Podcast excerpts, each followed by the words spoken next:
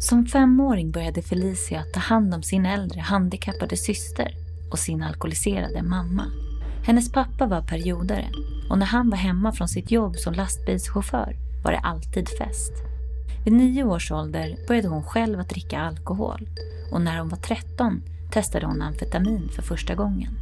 Det blev direkt en vän att ty sig till. Hon började skära sig själv för att lätta på ångesten och känslan av att aldrig räcka till.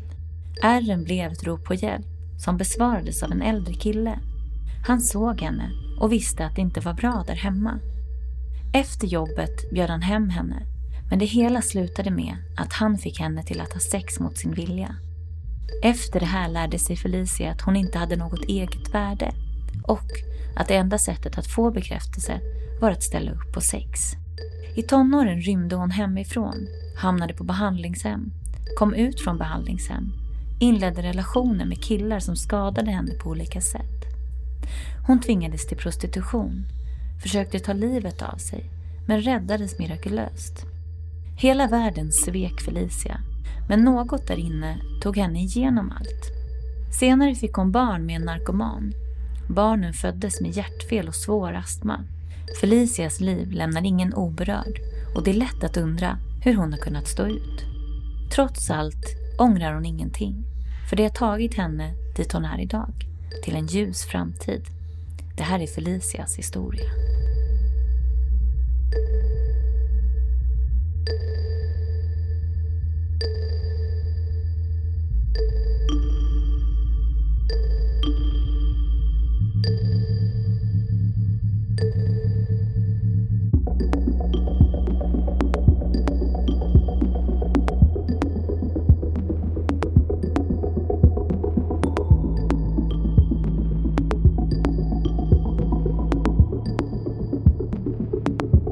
Välkommen till Medberoendepodden Felicia. Tack så mycket.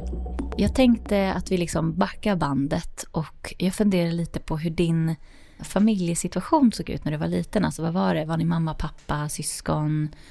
Var du äldre, yngre och sådär? Jag är uppvuxen med en mamma och en pappa som är alkoholister. Min pappa var periodare för att han eh, jobbade som lastbilschaufför och då kunde han inte vara full. Och min mamma var hemma och eh, ja, drack hela dagarna i stort sett. Sen så har jag även två stora systrar jag har vuxit upp med och den ena är gravt utvecklingsstörd och eh, behöver hjälp med allt i stort sett. Henne började jag ta hand om väldigt tidigt och min mamma. Eh, så att ja, jag vet inte. Det är väl liksom så det har sett ut. Hade du liksom någon speciell roll? Du sa att du tog hand om där.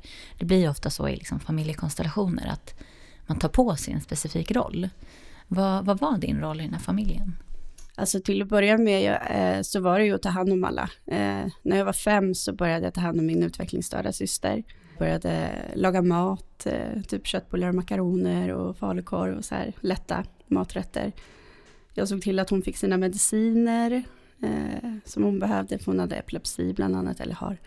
Ja, hjälpte henne på toaletten och klä på sig och se till att hon kom iväg till skolan och allt sånt där. Och sen så när jag kom hem från skolan så var det ju liksom checka av hur, hur är det hemma, vilket skick är mamma och lite sådär.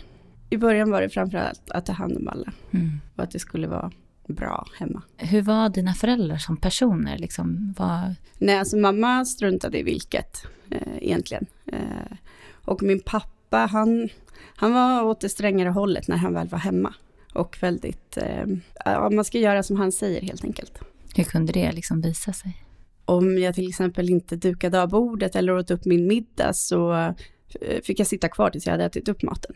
Eh, trots att jag inte var hungrig eller hade lagt upp maten själv. Men den skulle ätas upp, punkt slut.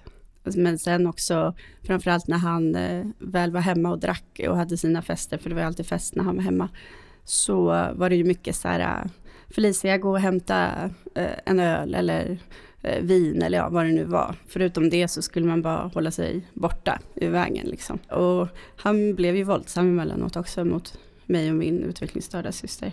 Inte mot din mamma? Det vet jag inte vad jag har sett, men jag misstänker det. Och fanns det liksom någon kärlek mellan din mamma och pappa ändå? Alltså jag tror inte det, eh, faktiskt. Jag tror att båda mest var kvar för att eh, dels inte vara själva, min mamma var nog beroende av honom ekonomiskt och han var kanske kvar för att eh, det, var, alltså det var tryggt så, de visste vad de hade varandra. Hur, på vilket sätt drack dina föräldrar? Alltså var det, drack de hela dagarna, drack de sprit eller hur? hur? Min mamma drack hela dagarna och det, det spelar ingen roll om det var öl eller vin eller eh, sprit, eh, stark sprit eller vad det, alltså bara det var någonting. Så, eh, och när min pappa var hemma och hade de här festerna så var det mycket stark sprit. Att vara femåring och hamna i den här rollen, var det någon som sa så här, ta, Felicia, ta ansvar för det här, eller gör det här? Eller var det liksom att du tog på dig det själv? Alltså min mamma har väl kanske eh, ibland så här, ja ah, men eh, kan du hjälpa mig med det här och kan du göra det här för att jag mår dåligt och så där. Mm, och sen så har väl det liksom vuxit successivt, liksom så. Däremot min pappa när han liksom insåg att eh, min mamma drack varje dag och så där så sa han till mig att ja men du måste hålla reda på vad hon dricker, hur mycket hon dricker eh, och när hon dricker och så måste du berätta det för mig. Eh, så, så att jag blev ju husets lilla detektiv. På vilket sätt, alltså hur tog du ansvar, vad gjorde du? Med min syster så, så var det väl allt i stort sett. Eh, såg till att hon fick i sig medicin, mat, eh, tog henne på toaletten, bytte kläder, la henne, eh, såg till att hon kom iväg till skoltaxin på morgonen. Eh, så det var nog det mesta med henne. Och sen med mamma, då var det väl liksom att eh, ja, framförallt trösta henne för att hon, hon var ju, grät ju väldigt ofta när hon blev för full och satt och tyckte synd om sig själv. Så, eh, så det var mycket trösta, men även där liksom försöka ta hand om i den mån det går, liksom plåstra om när hon hade ram, ramlat och sådär i skolan och så utanför hemmet. Hur var det då? Vem var du då? I lågstadiet så uh, blev jag mobbad uh, ganska tidigt. Uh, ja, redan från början. Dels, alltså dels för att jag hade fel kläder och på grund av min utvecklingsstörda syster.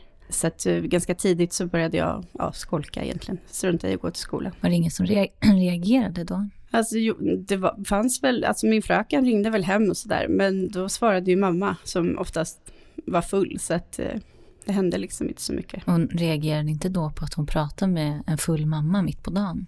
Nej. Och den här mobbingen då, hur tog den sig uttryck? Dels så, så var det liksom så här en, en, eh, en klunga som till exempel stod och pekade på mina kläder och skrattade och gav mig kommentarer om att ja men vart har du köpt dem där och Eh, och sådär. Och sen så var det ju mycket att göra narr av min eh, utvecklingsstörda syster. Eh, hon, eh, min syster älskar ju att sjunga till exempel, på det att man hör, andra har ganska svårt att höra vad hon säger. Så då skulle de stå och försöka härma hur hon låter och sådär. Och vad gjorde det här med dig? Liksom, hur kände du då? Ensam. Jag kände mig väldigt ensam, ledsen, uppgiven eh, och lite eh, vad ska man säga, eh, lite alltså där, okej okay, men det spelar ingen roll vad jag gör för att det blir bara pannkaka av alltihopa i alla fall. Så. Jag passar inte in. Och när du skolkade, vart tog du vägen då? Jag var mest ute och gick. Jag kommer ihåg, ibland cyklade jag också, men jag kommer ihåg att jag många gånger liksom gick och pratade för mig själv och, och låtsades att jag Eh, var en mamma eller en dotter eller en pappa och liksom eh, då hade en dialog mellan alla i den här familjen och sådär. Eh, idag så kan jag väl se att det var väl kanske så jag önskade att det skulle vara. Jag tänkte precis fråga det, hade du några drömmar liksom? Jag drömde väl mycket om, om en lycklig familj. Lite det här som man ser på tv. De bryr sig, de gör saker tillsammans, de skrattar, Eh, de kramas när de är ledsna eh, och sådär. Och det var väl lite den drömmen jag hade. Eh, runt 6-7 så trodde jag att jag var adopterad. Så så att då kunde jag många gånger sitta, jag hade en liten så här bok, skrivbok, där jag satt och skrev ner namn på vuxna som jag önskade var min mamma och pappa. Så sådär, så att ja, drömmen har väl alltid varit en, en hel familj egentligen. Jag ser ju dig liksom att du både är utsatt hemma och i skolan och sen går du och drar dig undan och hittar någon slags drömvärld där. Men det som pågick hemma, eh, det berättade du inte till någon utanför eller hur, hur tog det sig? Nej, eh, inte för någon alls. Och att du blev mobbad, berättade du det hemma? Nej, inte det heller. Fanns det liksom ingen som du kunde ty dig till eller som du litade på eller lite sådär när du hade det jobbigt? Nej, alltså egentligen inte. Min äldsta stora syster, hon eh, hade ganska fullt upp i sitt liv med aktiviteter och pojkvänner och skola och sådär. Men de gångerna jag fick följa med henne, jag kommer ihåg en gång till exempel, hon jag satt på pakethållaren på hennes cykel eh, och fick eh, liksom följa med när hon då skulle träffa sitt kompisgäng. Och, det var någonting jag älskade. Du drar dig undan, du är inte i skolan. Vad gjorde du av, jag tänker att hur fortsätter det sen? När jag var nio så drack jag för första gången hemma vid köksbordet med min mamma. Kommer ihåg det var cider så att det smakade ungefär som ja, saftläsk, vad, vad, man nu ska kalla det, liksom, med lite konstig smak. Så jag blev ju full, såklart. Och någonstans så eh, kunde jag känna en lättnad, lite så. Omständigheterna i mitt liv var fortfarande skit, men jag kunde för stunden strunta i det. Så, så att jag, eh, ja, jag fastnade för alkoholen ganska fort egentligen, från första gången. Och din mamma tillät dig dricka? Ja. Hur fortsatte det? Liksom? Alltså var, det, var det en vana på en gång? Eller hur? I stort sett. Däremot så var jag alltid noga med att inte göra det när jag skulle ta hand om min utvecklingsstörda syster. Just för att jag har ju sett att mamma inte klarar av det, så att jag måste ta hand om henne och då får jag välja bort det. Eller ja, jag valde bort det liksom. Eh, sen så hade ju hon åkt till exempel på så här korttidshem, om det var en eller två helger i månaden. Så att då var det så här, ja men då var det bara att tuta och köra. Liksom. Men alltså jag tänker att dina föräldrar måste ju reagerat på att deras liksom, barn blir full hemma. Nej, alltså med, med min mamma så tror jag att hon tyckte det var ganska skönt att ha någon att dricka med. Eh, och pappa, när han väl var hemma så, så väntade jag med tills att han var jättefull. Just för att han inte skulle märka det så fort. Och det här var ju då, nu har du blivit lite äldre. Hur var det i skolan då? Alltså det var väl lite bättre. Alltså det finns ju alltid de som retar en, så är det ju. Men eh, jag hade fått lite kompisar, jag tyckte egentligen inte om att vara i skolan så, men eh, eh, försökte. Hur gick det med betyg och så? Alltså nu var du ju så pass ung, men jag tänker att kunde du sköta skolan trots det här? Alltså, nej, inte egentligen. När de proven jag väl gjorde när jag var där, det var ju liksom så här plugga kvällen innan och så får det gå som det går. Lite så. När du blev berusad eller full, hur blev du då? Hur upplevde du att du förändrades? Jag blev väl gladare, eh, mer lättsam, inte lika bekymrad. Och, och, lite så här frihetskänsla. Den här situationen, att du får ta ansvar liksom när du är fem år, att du börjar dricka när du är nio. Du går till skolan, du har kompisar ändå. Finns det ingenstans i den här situationen där någon reagerar utifrån? Alltså jag tänker grannar eller någon i skolan eller kompisar eller någonting. Nej, alltså inte, inte i, i den åldern. Jag tror att det beror på? Alltså dels för att jag säkert var väldigt bra på att dölja det. Och sen så tror jag att eh, människor är väldigt rädda för att lägga sig i överlag. Hur känner du inför det nu när du tänker tillbaka? Det gör mig ganska arg. Det gör det. Eller det gör mig väldigt arg. Alltså den här situationen för mig låter ju ohållbar. Och jag tänker att någonstans måste det ju liksom krackelera. Men hur fortsatte det här? Alltså jag menar när du började bli tonåring, var det bara detsamma eller liksom tog det här sig uttryck på något annat sätt? Nej, alltså när jag var 11 då testade jag på att röka på för första gången och tyckte väl att det var trevligare än att bli full egentligen. Då hade jag även börjat umgås med äldre killar framför allt, eh, som liksom var inne i den svängen. Och när jag var 13 så provade jag amfetamin för första gången och där hittade jag min drog helt enkelt. I samma veva så började jag även skära mig själv för att ja, slippa ångesten en stund. Var det ångesten som var liksom ditt största så problem? Liksom? Ja, det skulle jag väl säga. Och känslan av att aldrig räcka till fullt ut. Och när du kom i kontakt då med amfetamin som du säger, vad var det som gjorde att, du liksom, att det var din drog? Hur upplevde du det? Eh, jag blev koncentrerad, eh, jag orkade göra saker och orkar vara vaken längre också. Men alltså så. Men eh, nu i vuxen ålder så har jag fått reda på att jag har ADHD, så att de klingar ju ganska fint ihop, de två. Var det de här då äldre killarna som bjöd dig på det här, eller hur lyckades du få tag på det? Första gångerna så, så bjöd de väl, men sen så eh, ville de antingen ha pengar eller ibland så böt jag mot sprit som mamma hade hemma. Eh, och sådär. Så att, Var fick du tag på de här pengarna? ja, jag är hemma. Eh, jag tog dem. Typ från mammas plånbok eller pappas fickor eller ja, så. Och hur blev det här liksom en vana sen? Jag tänker hur ofta blev det att du tog amfetamin? Jo, alltså ja, mer eller mindre så blev det ju det. Eh, I början kanske bara så här, ja men vi festar på helgerna, eller jag festar på helgerna liksom så. Men eh, successivt så blev det väl mer och mer. Du är ute med de här killarna. Var det någon som du liksom blev tillsammans med? Eller hur, hur kom det sig att du liksom hängde ihop med dem? Nej, alltså eh, någon av dem var jag inte tillsammans med så. Däremot så upptäckte ju de att jag eh, drack hemma ganska mycket. Så att eh, eh, innan eh, drogerna började komma in mer så var ju det liksom ett sätt för dem att få tag på alkohol eh, gratis eller billigt. Liksom så. Eh, så att det var väl mer på den vägen. Och hur fick det dig att känna? Alltså där och då så såg jag nog inte det själv, eh, utan jag såg mer bara att det fanns människor som ville vara med mig, som jag trodde. Hur mådde du då när det var som värst? För jag tänker den här ångesten, alltså att både den här smärtlindringen kan man säga som, som du använder dig av och att skära dig i armarna, det är ju någonting som ändå syns utåt, som ändå är en fysisk skillnad, liksom, precis som om man skulle få blåmärken eller så. Var det ingen som, som såg det eller frågade någonting om det? Alltså jag kommer ihåg väldigt tidigt när jag började göra illa mig själv, eh, framförallt skära mig i armarna, så kommer jag ihåg att jag gjorde hela vägen från axeln eh, ner till eh, handen på vänsterarmen. Dagen efter så hade jag ett linne på mig, just för att jag ville att mina föräldrar skulle se det. Men eh, det gick en hel dag och de märkte ingenting. Eh, däremot så när jag gick och handlade, jag kommer inte ihåg vad det var för affär, med mataffären så, eh, så eh, han i kassan eh, reagerade liksom, lite äldre eh, kille, ingen, alltså inte, jo han var ju vuxen men inte så jättegammal. Eh, så han frågade, och han visste vilka mina föräldrar var.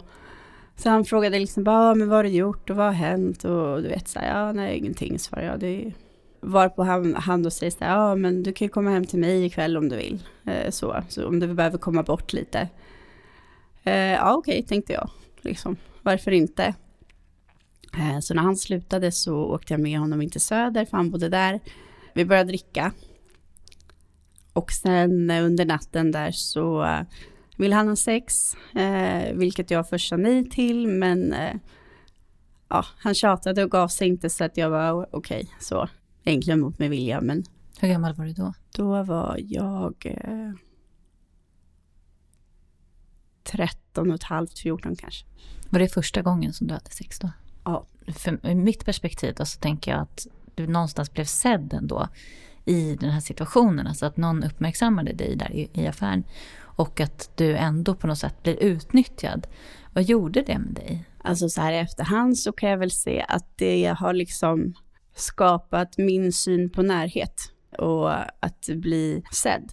Det har någonstans i mitt liv blivit förknippat med sex. Vare sig jag kanske vill eller inte vill. Men så, ja. Det bekräftar dig liksom. Ja. Hur, när gick du in i din första relation? Alltså det var ganska sent ändå. Alltså om, om man ska ta så här kärleksrelation verkligen. Så det var väl kanske runt 15, 16 innan dess då, träffade du ändå killar eller var det liksom att den här händelsen påverkade dig så pass illa att du, du, inte, att du drog dig undan? Nej, alltså jag träffade väl killar så, men, men alltså mer som så här eh, kompishäng liksom. Eh, och, och någon kanske ville eh, ligga och sådär, så var okej, okay, eh, så. Men, men, inte liksom som en riktig relation. Så. Och hur var det med kompisar då? Var det mest killar du umgicks med? Ja. Och sen, jag tänker när du kom upp i gymnasiet då, gick du i gymnasiet eller hur gick det med dina betyg under den här perioden?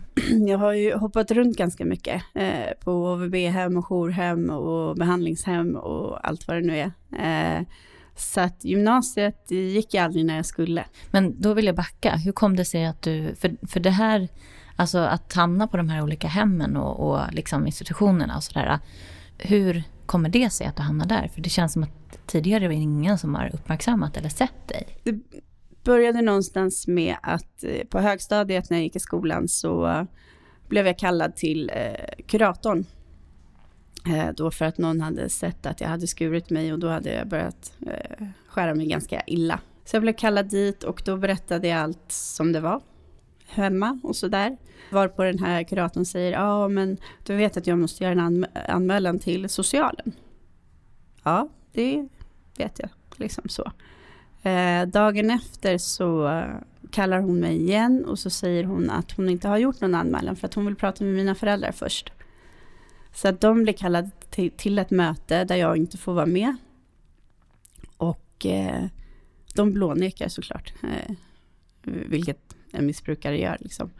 Så att eh, när jag kommer hem där den dagen så får jag liksom höra att ja, men de säger att du skär dig och, och, att vi är alkoholister, att du har sagt det och lite så här, men det är ju inte sant. Så även fast liksom skolan har gått in och sagt att men hon gör det här, så, så var de helt hundra på att jag inte gjorde det. Liksom. Eh, vilket är, säkert var förnekelse. Men... Sen så någonstans så kopplades socialen in eller? Nej, jag fick gå på så här konfirmationsläger också. Och där kopplades de in för att där bröt jag ihop till slut under en meditationsstund. Liksom. Så då ringde de SOS eh, och så blev det SOS-möte av, av det där. Och så hade vi möte med mina föräldrar och sen så säger de att eh, nej men Felicia, du har inga problem hemma, du, eh, du sitter ju bara här och ljuger. Där och då så tappar jag väl tilltron till vuxna människor ännu mer. Eh, eller om inte helt. Och då började jag strula utan dess like istället. Rymde hemifrån och ja, lite så här. Så att de var tvungna att lysa mig. Och var borta i två, tre veckor. Vart tog du vägen då? Först var jag hemma hos en kompis. Eh, bodde inne på hennes badrum, i hennes lilla badrum. för att hennes pappa inte skulle se att jag var där. Men, men sen så, ja, jag drev omkring. Ute, sov i portar, lite sådär. Och hur gammal var du då? Då var jag 16. Jag menar när du blev lyst då, liksom, hittade de dig? Eller hur kom det sig att du, att du ändå kom tillbaka? Eh, ja, de hittade mig. Eh, McDonalds i Slussen hade tydligen fått upp någon bild på mig.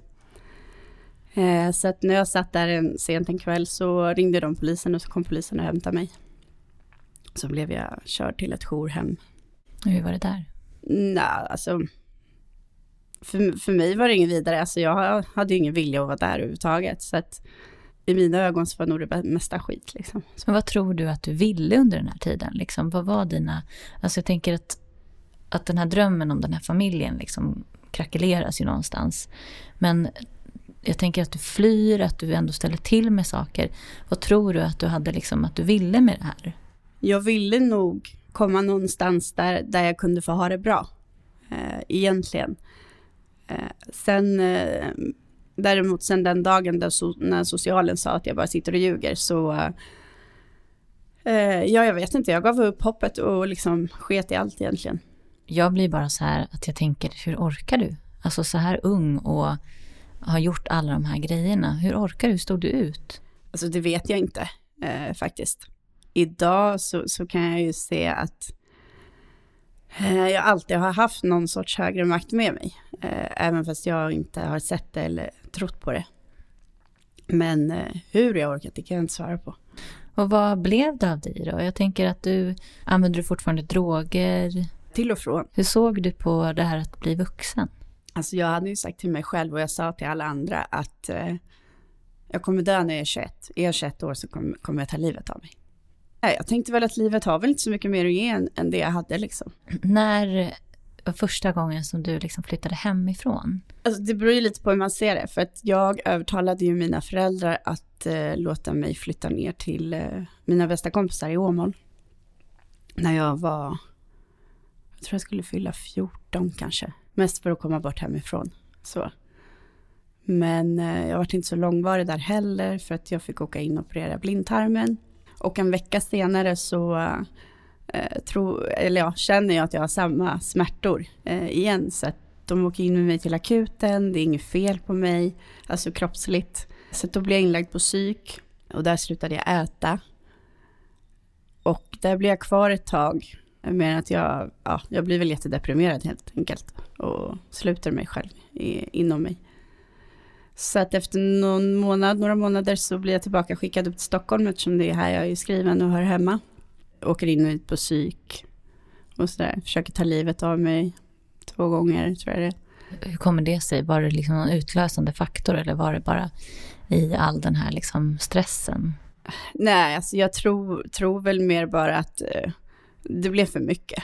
Så. Mm. Jag försökte väl fly hela tiden i, med olika saker, så, men eh, det räckte inte. Hur försökte du ta livet av dig? Första gången så eh, tog jag eh, min mammas hjärtmediciner och blodförtunnande mediciner bland annat. och lite andra mediciner. Men, och min pappas sprit och mixade det. Var det någon som hittade dig då eller hur? Alltså då, min dåvarande bästa kompis ringde mig eh, och jag svarade och hon hörde väl på mig att någonting var riktigt galet liksom. Så att hon ringde ja, 112. Så hon räddade dig då kan man säga? Ja, absolut. Mm. Ambulansen kom, alltså det här kommer inte jag ihåg, men jag har fått veta det efterhand. Men ambulansen kom, de körde 30 meter och sa att vi kommer aldrig hinna, så då fick jag åka helikopter istället. Och i helikoptern så stannade mitt hjärta tre gånger, eh, men de fick igång det. Och den andra gången då? Alltså ja, det var också tabletter och alkohol eh, var det, fast eh, på ett hem. Jag antar att du var hemma den första gången. Ja. Ja. Hur reagerade dina föräldrar? Alltså när min mamma och pappa, alltså, när de väl lyckades få kontakt med dem, för att jag vägrade ju säga vilka de var. Så. Eh, så när de väl kom dit, så det första min mamma säger var att var du tvungen att ta mina mediciner? Och min pappa fyller i med att var du tvungen att dricka upp min bästa likör? Medan jag då ligger med en tub nedkörd i halsen, eh, för att de har magpumpat mig. Hur kände du då? Enormt ledsen. Det är så många övertramp liksom att du måste någonstans känna så här att hallå det här är inte okej det ni säger till mig. Alltså nej, alltså inte förrän jag kom upp över 20-årsåldern tror jag. Men inte innan dess. Och när du då ändå har överlevt de här grejerna, det är ju verkligen rop på hjälp. Inom vården och sådär, att som du sa att du var inne ut på psyket och så. Det är alltid svårt det här med tvångsvård och så, men när man är en, en fara för andra och sig själv så brukar det ändå leda till att, att man kan på något sätt få hjälp. Vad, vad blev effekten av det här? Alltså, och, alltså dels så äh, åt jag ju inte heller äh, någonting. Då blev jag sjuk i anorexi också. Och i den vevan så fick jag ett LPT på mig, lagom psykiatrisk tvångsvård. Just för att jag, jag var en fara för mig själv. Och i och med att jag inte hade ätit ordentligt på så länge så fick jag egentligen inte mer, alltså vara uppe mer än att gå på toaletten och gå tillbaka till sängen. För, för att min kropp var så sjuk. Jag förstår att det känns ganska hopplöst, men vad, vad fick dig ändå liksom att stanna kvar? Alltså jag tror att en person, det är ju framförallt min utvecklingsstörda syster. Visst, nu hade jag börjat strula till allt väldigt mycket, men hon, alltså när jag tänkte så här, vem, vem kan jag inte ge upp för, så var det henne. Reagerade hon på något sätt när du var ute och liksom bara var ute och var destruktiv liksom? Nej, alltså hon är ju typ som fem, sex år. Eh, hon var typ bara glad när hon väl såg mig. Hur gick du vidare från, från det här, alltså från den här fysiska kollapsen liksom? Dels så, så hade jag inte så mycket val än att bara infinna mig i det de sa på psyk när, när jag hade LPT. Därifrån så var det väl några turer med lite olika sorts hem. Och till slut så hamnade jag på Gotland, eh, på Hassela. Där jag var ganska länge under LVU. Där träffade jag också en kille som jag blev tillsammans med. Även han alkoholist, narkoman. Men eh, jag kommer ihåg att den dagen mitt, de tog bort LVU, det var på min 18-årsdag. Och då skrev jag ut mig själv på en gång. Och eh, var, flyttade hem till den här killen. Vi var inte ihop tillsammans jättelänge, men under den tiden vi var tillsammans så var det mycket, eh, mycket alkohol och droger. Och han var väl inte så här jättetrevlig kille egentligen. Så mycket psykisk misshandel, ibland även fysisk. Och han var mycket så här ja, ville någon av hans kompisar ha sex med mig så var det bara att ha det. Liksom, så. Sa inte du ifrån? Nej, alltså jag har ju någonstans lärt mig att jag bara ska vara tyst och, och göra som alla säger. Att skära dig i armarna och så, var det någonting som fortsatte under den här tiden? Eller det fortsatte, det, det var inte det första, den första flyktvägen jag tog till i och med att jag hade droger då. eskalerade det här användandet av droger? Det gjorde det absolut. Hur då? Alltså mer och oftare, mer, eh, liksom mer tid las på att eh, hur, när och var ska jag liksom få tag på mer. Och hur fick du tag på de här drogerna? Alltså jag tänker pengamässigt och så. Det låt, hade du något jobb under den här tiden? Nej, alltså när jag bodde kvar där på Gotland så eh, med min dåvarande pojkvän så eh, bilstölder, inbrott i bilar, ja så. Och hur länge var ni tillsammans? Så vi var väl kanske tillsammans i fyra månader kanske. För att jag hade åkt hem till Stockholm för att jag skulle hälsa på min, mina systrar. Eh, och på vägen tillbaka på Gotlandsbåten så får jag ett sms om att han har ja, varit med en annan tjej och, och, han vill inte vara med mig längre och sådär. Vilket jag kommer ihåg gjorde mig jätteknäckt. Eh, idag kan jag inte se varför, men eh, ja, eh, jag blev det i alla fall och i och med det så kom jag tillbaka till Stockholm. Vad gjorde du då? Då flyttade jag in hos mina föräldrar. Men eh, det blev inte heller så långvarigt i och med att jag höll på med drogerna så vart jag utkastad. Så de upptäckte det här någonstans ändå, liksom att du, att du höll på med det? Ja, alltså, eller ja, de, de erkände väl det för sig själva, alltså några år innan, eh, när det blev alla de här turerna på alla hem. Men använde det istället för att säga att det är du som är problemet. Alltså du är problemet, inte drogerna? Nej, alltså jag är problemet till problemen i familjen. Mm -hmm.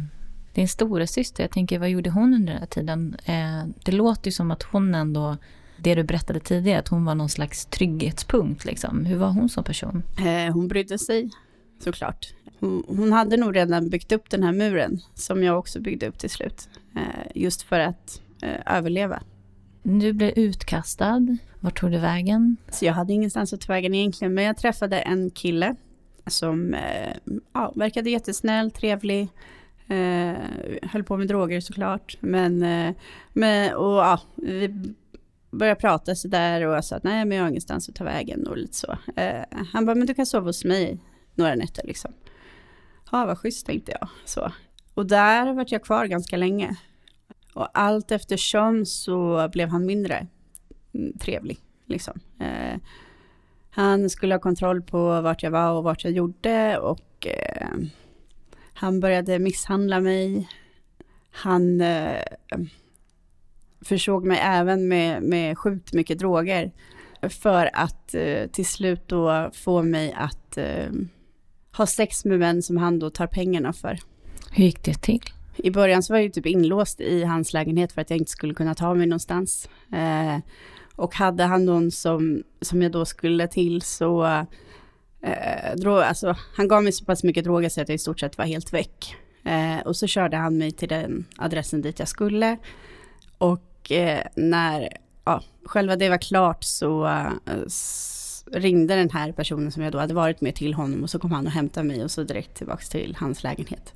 Har du några minnen under den här perioden? Alltså några, men, men det är väldigt uh, suddigt. Och det måste ju ha gjort sån otroligt våld på dig. Alltså jag tänker att även om du har blivit alltså förknippat det här med sex som en bekräftelse så känns det ju som att det här går ju över liksom nästa gräns, eller alla gränser. Liksom. Hur länge pågick det här?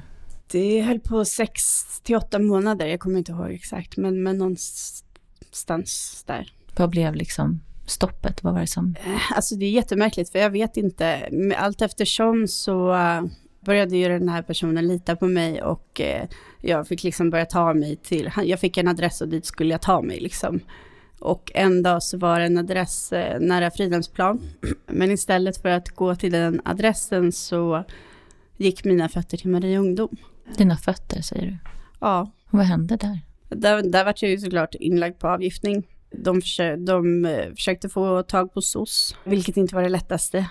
Eh, så jag låg väl inne någon vecka för att bli avgiftad och är du avgiftad så kan du inte vara kvar där egentligen jag, de var tvungna att skriva ut mig helt enkelt utan att SOS hade hunnit haft något möte eller någonting sånt. Och, och det kommer jag ihåg jättetydligt. Det var en personal som jobbade där. Han, han sa det till mig innan jag eh, blev utskriven att det enda jag kan råda dig till det är att gå ut och vara destruktiv och komma tillbaka. Vad tänkte du då? Jag tänkte att går jag ut och knarkar igen så kommer jag inte komma tillbaka. Och vad gjorde du? Jag gick ut och knarkade. Hördes på ryktesvägar att den här personen som jag då hade bott hos, kan man inte säga riktigt, men ja, letade efter mig och sådär. Så att jag höll mig väl mest undan. Och sen så eh, stötte jag på en barndomskompis eh, några veckor senare, som, eh, som då är en av mina bästa vänner.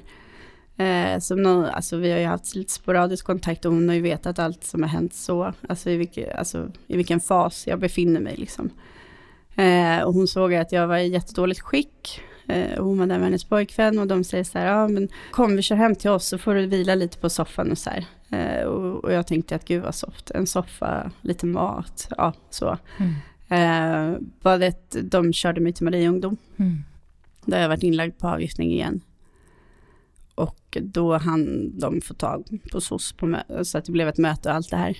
Ja, blev det ju prat om behandlingshem, vilket jag ville, för jag ville inte hålla på längre. Mm. Så vi åkte ner till Skåne och tittade på ett, vilket jag liksom kände så att, ja men absolut, eh, det här provar vi.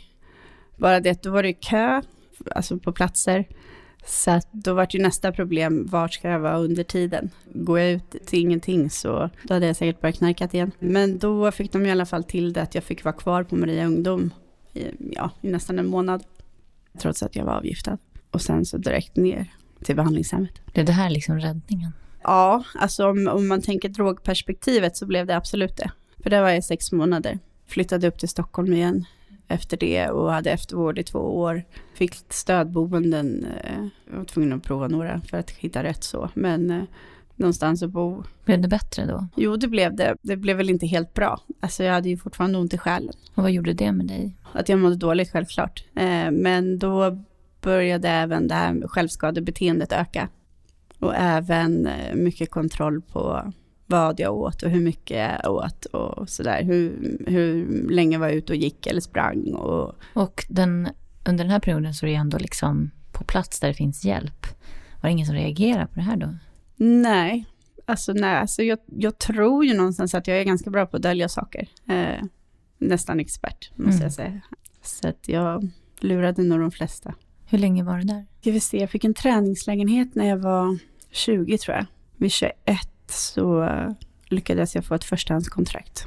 Och nu säger du 21, det var ju det året där du hade bestämt att du skulle ta livet av dig. Mm. Kom de här tankarna tillbaka på något sätt? Alltså jag, jag kan ju liksom, just där runt 21 så tänkte jag nog inte så mycket på det. Utan då hade jag nog gått, gått upp i, i en relation istället. Så, att, eh, så så här i efterhand, eller ja, och sen vid 23-24 när jag väl kom att tänka på det, då var det mer så här, haha, jag sa att jag skulle vara död vid 21. Den här relationen du gick in i, var det någon som var långvarig? Ja, det, eh, det var det. det. Det, eh, det. var personen som är mina barns pappa. Mm. Hur träffades ni? Vi träffades på en förening för kriminella. KRIS heter det. Var det liksom kärlek vid första ögonkastet, eller hur? Nej, alltså inte från min sida. Vad jag har fått höra i efterhand från flera stycken är att han verkligen fick jobba eh, för att jag ens skulle komma ihåg vem han var. Men ni blev ett par. Mm. Vart det bättre? Liksom? Var, det här, var det skillnad på den här relationen mot relationerna du hade varit i tidigare? Eh, I början så, så var jag så här att eh, jag gick ju bara och väntade på när första smällen skulle komma eh, och sådär. Och, och någonstans drog mig undan när den inte kom. Eh, vilket han då tyckte var jättemärkligt såklart. Den, den var bra eh, i väldigt många år. Var han snäll mot dig liksom? Ja, i början. Eller i början, jo han är snäll. Han har varit snäll överlag. Men sen har det varit perioder som har varit mer tuffa. Och hur kommer det sig? Eh, dels för att eh, vi började med droger igen båda två. Alltså jag skulle väl säga som alltid när missbruk, alltså alkohol eller droger är inblandade så blir det lätt mm, bråk och misshandel också. Men då, jag antar att han var nykter också då när ni träffades. Ja. Liksom. Mm. Ja. Det här är ju också Medberoendepodden. Liksom. På vilket sätt kan du relatera till begreppet medberoende? Alltså, jag brukar säga att jag föddes som medberoende. Mm. Eh, dels för att jag får tagit hand om alla hemma. Och sen så över att jag alltid har hamnat i relationer där det slutar med att jag tar hand om och män får, eller jag tillåt, tillät män att använda mig som spypåse, boxningssäck, eh, ja, vad man nu ska kalla det. Så. Eh, och jag skulle alltid, uppstod det ett problem så skulle jag lösa det. Oavsett vad det var. Och den här relationen då, alltså ni började, ni började liksom båda ta droger.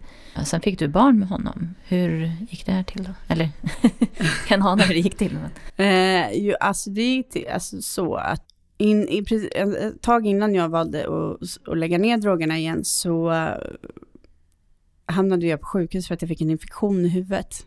På grund av drogerna då, uh, för att det var någon skit i, drogerna.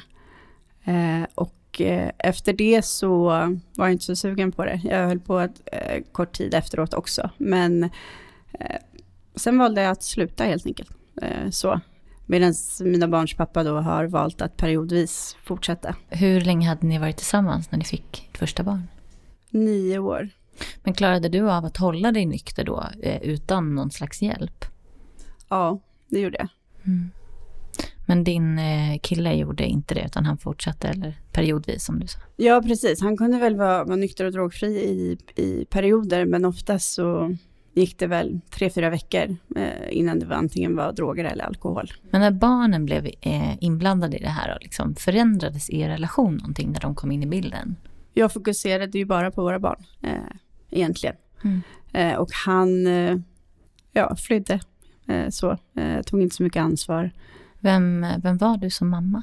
Eller är du som mamma idag också? Jag är nog en mamma som gör allt för sina barn, det gör nog de flesta. Men det, det gör mig liksom ingenting att, att mina behov inte blir tillgodosedda, bara mina barn har det bra. Alltså min första känsla är ju liksom att det gör så ont i mig när jag lyssnar på dig. Men också att eh, det är den här klassiska, liksom, hur orkar man, hur står man ut? Liksom. Jag tänker då får du barn och du, vill, du kan offra allt för dem. Vart någonstans liksom, hittar du den här kraften, den här styrkan? Liksom? Alltså, ja, återigen, jag, jag vet inte. Så när jag väl fick mina barn så behövde jag ju bara titta på dem. Och de är också sjukt eh, tappra i och med att de har varit och är så pass sjuka som de är. På vilket sätt är de sjuka? Eh, min dotter till exempel, eh, vid två månader så fick vi reda på att hon hade förstorat hjärta, hjärtsvikt och två hål i hjärtat. Eh, så att hon opererades två gånger innan hon var ett och ett halvt. Och eh, min son fick vid två månaders ålder eh, problem med eh, svårbehandlad astma. Och nu så har han sömnapné och andningsrubbningar och återkommande lunginflammationer. Men blev dina barn ändå någon slags inspiration till för dig att ta tag i dig, i ditt liv? Ja, absolut. Kan du beskriva lite hur, den, hur, hur det kom sig att du liksom på något sätt in, kom till insikt i de här grejerna? Att du att du hade problem, att du liksom inte mådde bra trots att du hade slutat med drogerna och trots att du hade fått barn och sådär? Eh, den, alltså när jag verkligen, verkligen insåg det, det var ju när jag eh, kastade ut barnens pappa. För att han dels drogade när han var själv med barnen, eh, han höll på att strypa mig en gång så, när barnen låg i rummet bredvid. Så att där så kan jag väl, där, där kom liksom det, det största och efter det så, så har jag ju liksom insett att jag har ju liksom skylt allting på hans beroende och tänkt att bara han slutar knarka eller dricka så kommer allting bli jättebra. Men i och med att jag kastade ut honom och gjorde mig av med problemet inom situationstecken så uh, märkte jag ju också att mitt mående blev ju inte bättre bara för det. Och vad gjorde du då? Jag fick uh, ett tips av uh, barnens pappas kompis att gå till en tolvstegsgrupp, eh, Koanon. Eh, så jag gick dit. Hur upplevde du det? Skönt, men ändå väldigt, eh, inte, jag vet inte, utsatt på något sätt. Eh, för att där uppmärksammades jag. Vad var det för känslor det väckte i dig? Alltså rädsla såklart. Tidigare i mitt liv när jag har fått uppmärksamhet så har det alltid slutat med någonting negativt. Och även lite så här skräck för där satt människor jag inte kände, känner överhuvudtaget och jag kunde känna igen mig i allt det de sa. Blev det här liksom någon slags vändpunkt för dig? Mm, det blev det. Jag fortsatte gå på, på möten. Eh, jag skaffade mig en sponsor. Eh, och jag började jobba i stegen. Jag, jag fick liksom se att ja, det är jag som har problem också. Mm. Så, och det är bara de jag kan göra någonting åt. Alla de här åren liksom, som du har verkligen ja, men, gjort eh, våld på dig själv, både fysiskt och psykiskt och liksom själsligt och allt. Och att på något sätt det känns som att du har haft olika sätt att hantera det genom att fly på olika sätt. Och att sitta där i ett rum och liksom, som du sa, vara sårbar och finnas till. Vad hände med alla de här känslorna? Alltså det måste ju varit jättemycket som du hade liksom begravt inom dig. Alltså i början så kändes det mer bara som, som en enorm lättnad att kunna gå någonstans eh, och säga, säga vad jag vill egentligen så.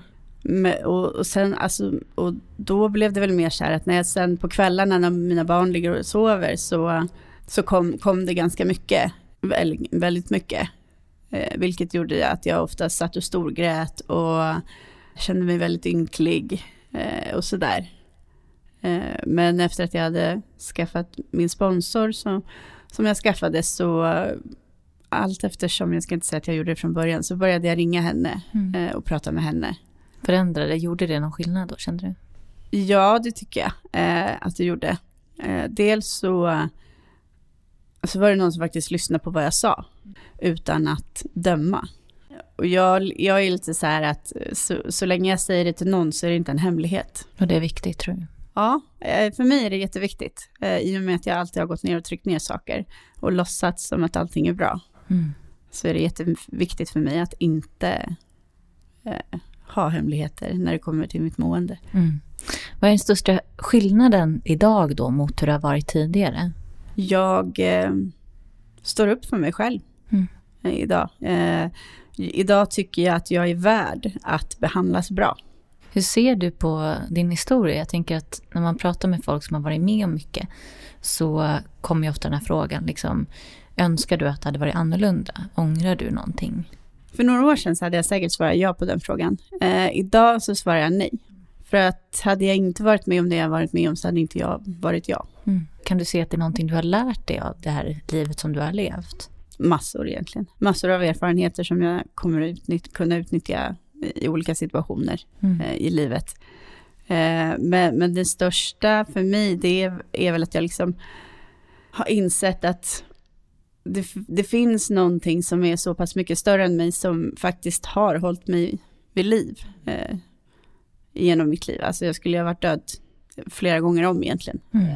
Men här sitter jag. Hur eh, ser du på framtiden idag? Ljus och bra. Alltså från att egentligen inte ha någonting så har jag lägenhet där jag bor i, jag har två jättefina barn, ett heltidsjobb, bra kontakt med mig själv eh, och sådär. Så att det kan bara bli bättre. Och, men det jag tänker då, då liksom är att när man har det här bagaget, att det måste kanske vara lätt att liksom hamna i någon slags känsla av, eh, ja men du vet lite så offer, att känna att liksom det är så hemskt allting du har varit med om. Och om jag tänker jag lever mig in i den situationen så känns det som att svårt, alltså svårt att, att släppa allt det där. Alltså det måste vara så mycket som har satt sig så djupt i det. Liksom. Hur hanterar du de här sakerna? Har jag varit offerrollen? Absolut. Eh, vilket jag alltså, har spelat på många gånger eh, mitt liv. Så. Men eh, idag så är det så här med tvärtom att Även om jag kanske är normalt ledsen över någonting så blir jag så här, åh nej, nu får jag inte vara ledsen. För då sitter jag och tycker synd om mig själv. Eh, men, men där är det också tolvstegsprogrammet och de, gemenskapen i den, ringa ut eh, och, och liksom, eh, vad vet jag, fråga. Sitter jag här och tycker synd om mig själv eller är det okej? Okay? Liksom. Så ta, ta hjälp av andra, mm. helt enkelt. Så det är det jag tänker lite grann att eh, det är lätt att folk när man pratar om historier och så, att man jämför sig. Liksom att någon som till exempel lyssnar på det här kanske, men så hemskt har inte jag haft det. Jag tänkte när du gick på ditt första möte, liksom, var det att du, att du, att du hade med dig det där? Liksom att du satt och reflekterade över att ditt liv var hemskare än det här? Eller fanns, fanns det här med på något sätt? Mm, alltså nej, jag, jag brukar, eller jag tänkte inte att jag hade haft det värre, utan jag är snarare tvärtom. att oj vad jobbigt den personen har haft det. Men om någon då känner igen sig i din historia, hur, vad har du för liksom råd eller rekommendationer till den? Alltså, ja, alltså lever man i en relation där det finns missbruk så, så är det mitt första råd att så, alltså, försöka få hjälp för sig själv. Eftersom du aldrig kan göra en annan människa nykter eller drogfri.